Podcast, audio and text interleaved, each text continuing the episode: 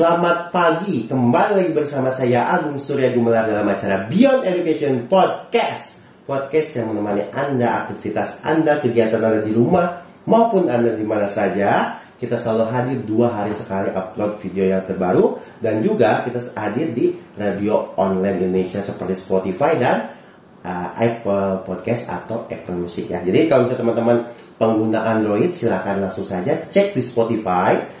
Kalau misalnya pengguna Apple atau iPhone. Cek langsung di Apple Podcast atau di Apple Music. Silahkan langsung saja. Dan juga kalau misalnya teman-teman ada pertanyaan atau misalnya seputar Beyond Education atau pertanyaan tentang materi-materi kita sebelumnya silahkan langsung saja dikirim link deskripsi di bawah. Kita sudah sediakan. Ada WA, Telegram dan ada juga email untuk di email ya. Kalau misalnya ada pertanyaan di email saja ya, jangan di WA atau Telegram.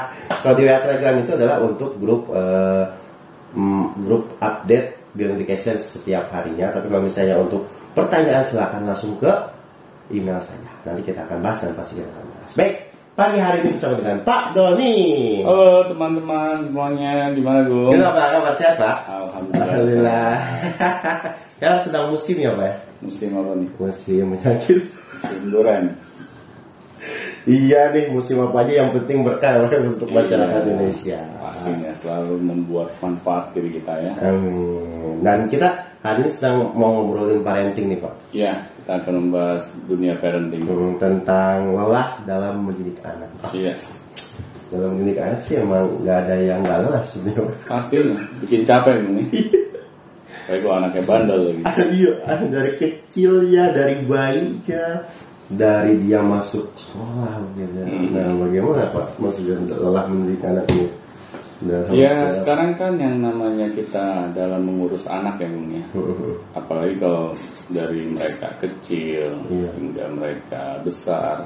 hmm. pastinya kan kita akan mengeluarkan banyak effort gitu. Apalagi yang namanya anak kecil ya, Iya. mereka itu gampang membuat ulah.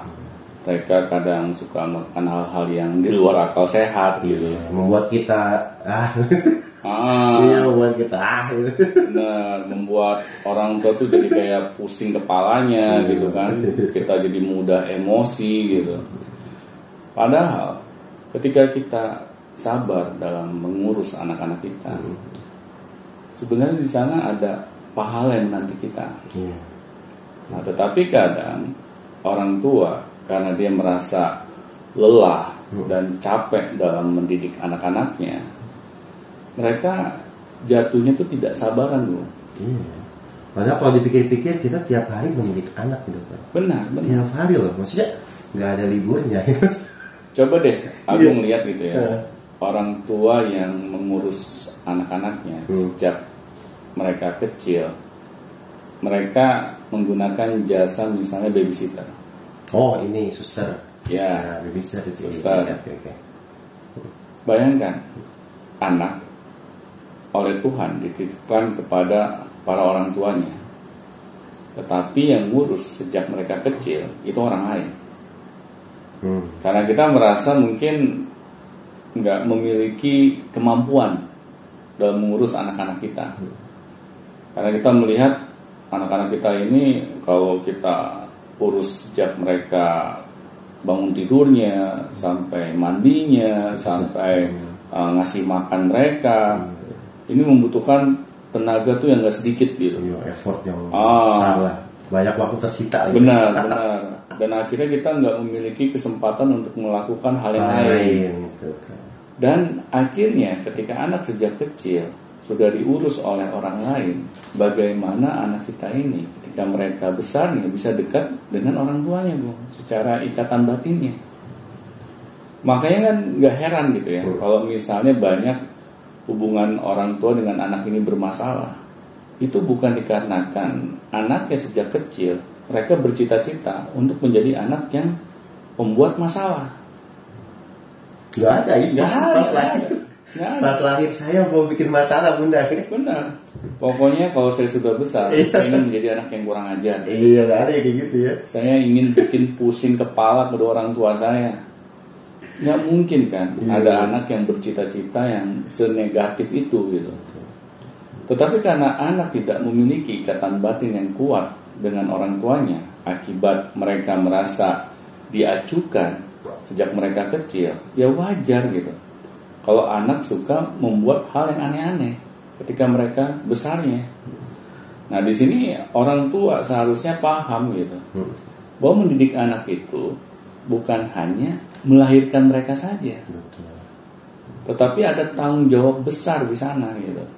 Kita harus mau mengurusnya, Iya, harus sabar. ah, kita harus sabar, kita harus mencari nafkah buat mereka, kita harus memberikan contoh suri toladan pada mereka. Hal-hal ini yang harus memang menjadi tugas utama kita sebagai orang tua. Iya, kalau dipikir-pikir seperti itu bukan hanya apa ya disangka orang tua ini selesai anak itu hidup aja selesai. Benar, benar. Di anak tuh asal hidup aja gitu. Iya. Nah, sekarang kita tidak usah ini ya berbicara dalam hal bagaimana cara yang mendidik anak-anak kita. Iya. Untuk mengurus anak-anak kita Iya. saja, kadang orang tua itu sudah enggan, Iya. apalagi mendidik mereka. Nah, di sini akhirnya saya mengambil kesimpulan gitu bahwa orang tua kalau memang mereka tidak sanggup ya dalam mengurus anak-anaknya, akhirnya kita harus berpikir ulang gitu untuk memutuskan untuk memiliki anak. Hmm, jangan asal ya. Jangan asal. Karena apa? Karena kalau kita hanya sekedar melahirkan saja, tetapi kita tidak mau mengambil alih tugas-tugas berikutnya, akhirnya sudah. Kita akan semakin kesulitan ketika anak kita ini sudah lahir di dunia ini. Karena apa? Karena setiap anak ini harus ada yang mau bertanggung jawab kan nggak mungkin gitu kita melahirkan anak terus yang bertanggung jawab orang lain Iya. terus kalau orang lain ini tidak becus mengurus anak-anak kita terus kita bisanya marah-marah Ngalahin doang. ah kita bisanya nyalain doang nah di sini kan akhirnya selalu timbul masalah masa sih kita ketika memiliki anak selalu datang masalah bertubi-tubi Iya, kenapa sih anak itu seperti pembawa masalah gitu? Nah, itu. Kan seharusnya ketika kita memiliki anak di dalam suatu keluarga ya, iya, adanya kebahagiaan gitu. karena kan banyak orang yang pengen punya anak tapi belum punya anak, gitu kan? Nah, itu. Seperti itu ya? Iya banyak. Ya ini kalau misalnya kita berbicara rasa syukur ya, Iya benar. banyak orang tua di luar sana. Mereka sudah berjibaku, berusaha untuk memiliki anak, mengikuti program ini dan itu. Ah, iya. Ah, akhirnya saya sampai saat ini mereka tidak pernah berhasil memiliki anak. Karena kan memang Tuhan ketika menitipkan hambanya yang berupa anak kepada orang tuanya, berarti Tuhan juga akan memberikan kesanggupan kepada orang tua tersebut.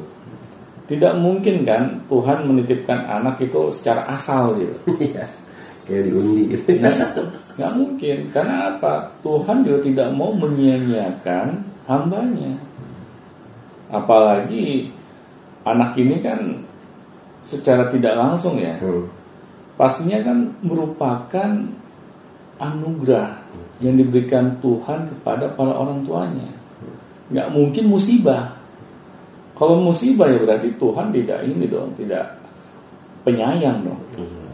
kepada hambanya. Ya masa sih Tuhan memberikan musibah kepada orang tua gitu dengan cara dia menitipkan Menitipkan anak. uh, anak pada mereka. Nah jadi di sini ya yang menjadi harapan saya jangan sampai orang tua itu mudah berkeluh kesah.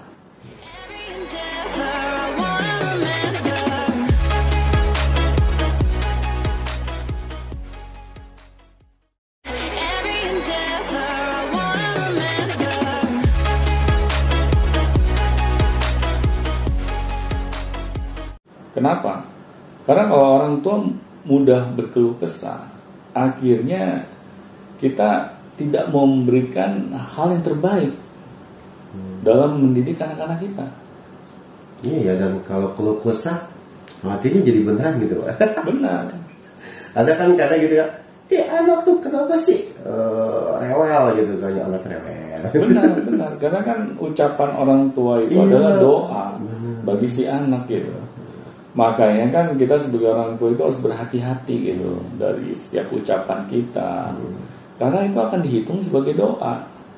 Nah makanya kan banyak nih orang tua yang dia karena emosi gitu ya mungkin Iya. karena lelah dan capeknya. Meledak meledak Ah, dia lupa untuk mengatur kata-katanya. Akhirnya karena anak sejak kecil mereka terus merekam apa yang diucapkan oleh orang tuanya hingga mereka besar. Nah itu, kalau orang tua tidak bisa menjaga kata-katanya, kata-katanya itu yang akan digunakan juga oleh anak-anaknya. Kalau kata-kata yang positif sih, alhamdulillah, anak akan merekam kata-kata yang positif, positif tersebut. juga iya Nah, tetapi kalau kata-kata yang negatif, ya nggak aneh gitu. Misalnya anak sejak kecil ya sudah ngomongnya kebun binatang misalnya. Ya karena mereka sudah merekam hal itu dalam kesehariannya. tanpa sadar orang tua yang membuat itu ya Benar, benar. Tanpa sadar iya gitu. tanpa sadar loh karena kan banyak kan orang tua "Ih, perasaan gue ngajarin ini gitu Iya. Perasaan saya nggak pernah mengajarkan ini. Iya. terus dari mana lagi bisa itu kali ya nggak mungkin dari Benar, benar. Ya makanya kan saya selalu gitu ya. Iya. bertanya kepada orang tua yang memang dia memiliki anak yang bermasalah gitu. Bagaimana sih komunikasi di rumah? itu ya yang paling intens Iya. Karena apa? Karena kadang dari cara kita berkomunikasi lah anak-anak kita akan melakukan tindakan-tindakannya. Jadi ketika mereka melakukan tindakan-tindakan negatif, itu sebenarnya hanya hasil dampak saya jadi Ah, ya dampak dari apa yang diperbuat oleh orang tuanya. Karena kan nggak mungkin gitu anak sejak lahir dalam lingkungan keluarga. Terus kemudian anak melakukan hal-hal yang negatif ketika mereka dewasanya tanpa ada yang memberikan contohnya. Nah di sini kan akhirnya orang tua itu ya harus peka gitu dengan hal-hal seperti ini gitu. Jangan dianggap kecil gitu. Kita misalnya menganggap bahwa anak kita kan masih bayi, Bayi, misalnya. Iya, masih Ah, kecil, masih ya, kecil, apa gitu mungkin banyak. lah mereka bisa mencontoh perilaku kita. Gitu. Iya. siapa bilang? Karena kan dari hal yang kecil itulah yang kita anggap sepele itu itu yang akan menjadi bumerang bagi kita sebagai orang tua. Kalau dari hal yang kecil saja kita tidak mau ini ya peka dalam menyikapinya bagaimana dengan hal yang besar?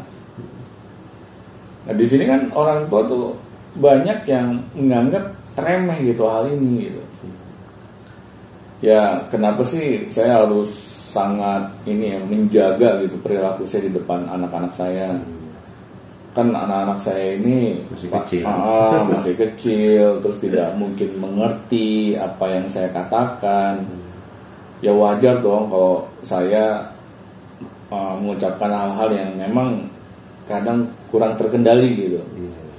Nah, di sini akhirnya karena kita menganggap remeh hal seperti ini dan diulang-ulang dan diulang-ulang dan akhirnya sudah itu menjadi kebiasaan. Karena kan kebiasaan itu suatu hal yang diulang-ulang. Dan anak juga mau nggak mau gitu, mereka akan merekam dengan maksimal gitu apa yang disampaikan oleh orang tuanya. Di sini saya melihat bahwa kalau orang tua tidak mau belajar caranya menjadi orang tua, akhirnya kita akan kesulitan gitu. Iya, kalau kelabakan sendiri Wah, kan. mengatur perilaku kita. Karena apa? Karena kadang sesuatu itu kita baru tahu salah. Kalau sebelumnya kita memiliki ilmunya. Nah, tetapi kalau kita tidak memiliki ilmunya, ya bagaimana kita tahu mana yang benar, mana yang salah? Yang ada yang kerasa adalah capek lelah Iya, heeh. sia-sia urusan iya. Kita akhirnya jadi hitung-hitungan Gitu, gitu, gitu. sama anak gitu. Emang orang tua nggak boleh capek. iya Memang orang tua nggak boleh marah. iya Ya saya sih nggak ini ya nggak bilang bahwa orang tua itu nggak boleh capek dan nggak boleh marah. Iya, itu Tetapi pada ya. tempatnya enggak. Iya. Masalahnya kan kita kadang Mm-mm. Bereaksi itu tidak sesuai dengan waktu dan tempatnya gitu.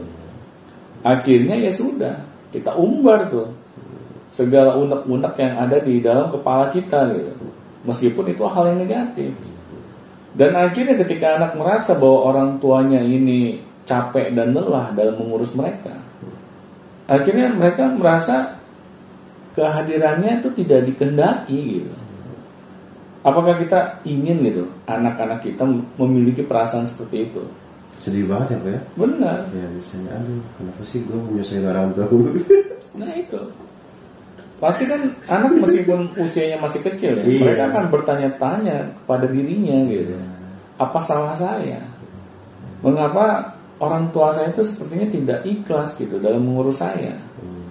Nah di sini kan ketika anak selalu memiliki uh, batin yang saling ini ya, yang saling kontradiksi lah. kontradiksi, Hmm. akhirnya mereka ini tidak lagi memiliki keyakinan gitu sama orang tuanya. Padahal kalau orang tuanya sabar, kalau orang tuanya berharap pahala atau apa gitu sebenarnya mendidik anak itu meskipun capek lelah tergantikan Iya, juga ya Pak. benar. Mm-mm. Kita inginnya bergeningnya itu di depan gitu. Kebanyakan sih begitu Benar. kan gitu.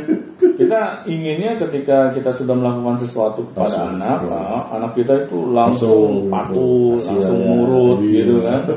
Langsung bisa berperilaku dengan baik. Iya, menyenangkan orang Oh, tua gitu menyenangkan langsung orang tua. Secara instan gitu. Nah itu, ya kan nggak mungkin kejadian gitu. Iya. Yang namanya anak kan butuh proses dalam memahami apa yang dimaksud oleh orang tuanya, apa yang menjadi keinginan orang tuanya. Mereka butuh proses gitu. Tidak bisa serta merta mereka tuh langsung berubah gitu kan, Iya. seketika. Nah ini yang aneh gitu kalau ada orang tua yang pengen anaknya ini segera paham apa yang dimaksud oleh orang tuanya. Karena kita aja waktu masih kecil, coba deh tanya ya kepada orang tua kita dulu. Kita ini bikin pusing mereka nggak? Iya ya, kalau dipikir-pikir ya. Iya. Agar fair. Jangan ketika kita memiliki anak, kita mem- eh, merasa bahwa anak kita ini pembuat masalah, Paling memusingkan lah ah, paling memusingkan orang tuanya. Iya. Eh ternyata dulu ketika kita masih kecil, kita mungkin bisa Lebih parah gitu gitu. dibandingkan anak kita sekarang. Iya benar. Nah, tetapi kita saja sudah tidak mau mengakuinya gitu. Nah, di sini akhirnya saya merasa bahwa kalau kita sebagai orang tua tidak mau merubah pola pikir kita bahwa mengurus anak itu adalah sebuah anugerah, akhirnya sampai kapan pun kita akan kesulitan menemui anak-anak yang mengikuti apa yang menjadi maunya kita. Dan kita akan terus merasa lelah aja gitu. Capek. Terima kasih Pak dari atas seri-serinya tentang anak hari ini parenting ya. Jadi kalau misalnya ada pertanyaan tentang seputar eh, sesi ini silakan langsung saja di link deskripsi di bawah. Silakan langsung diklik yang mana saja. Di situ ada Gmailnya, WA dan Telegram. Langsung saja kirimkan pertanyaannya tentang sesi ini boleh. Tentang sesi-sesi sebelumnya silakan juga baik. Sampai jumpa di Beyond Education selanjutnya. Sampai jumpa.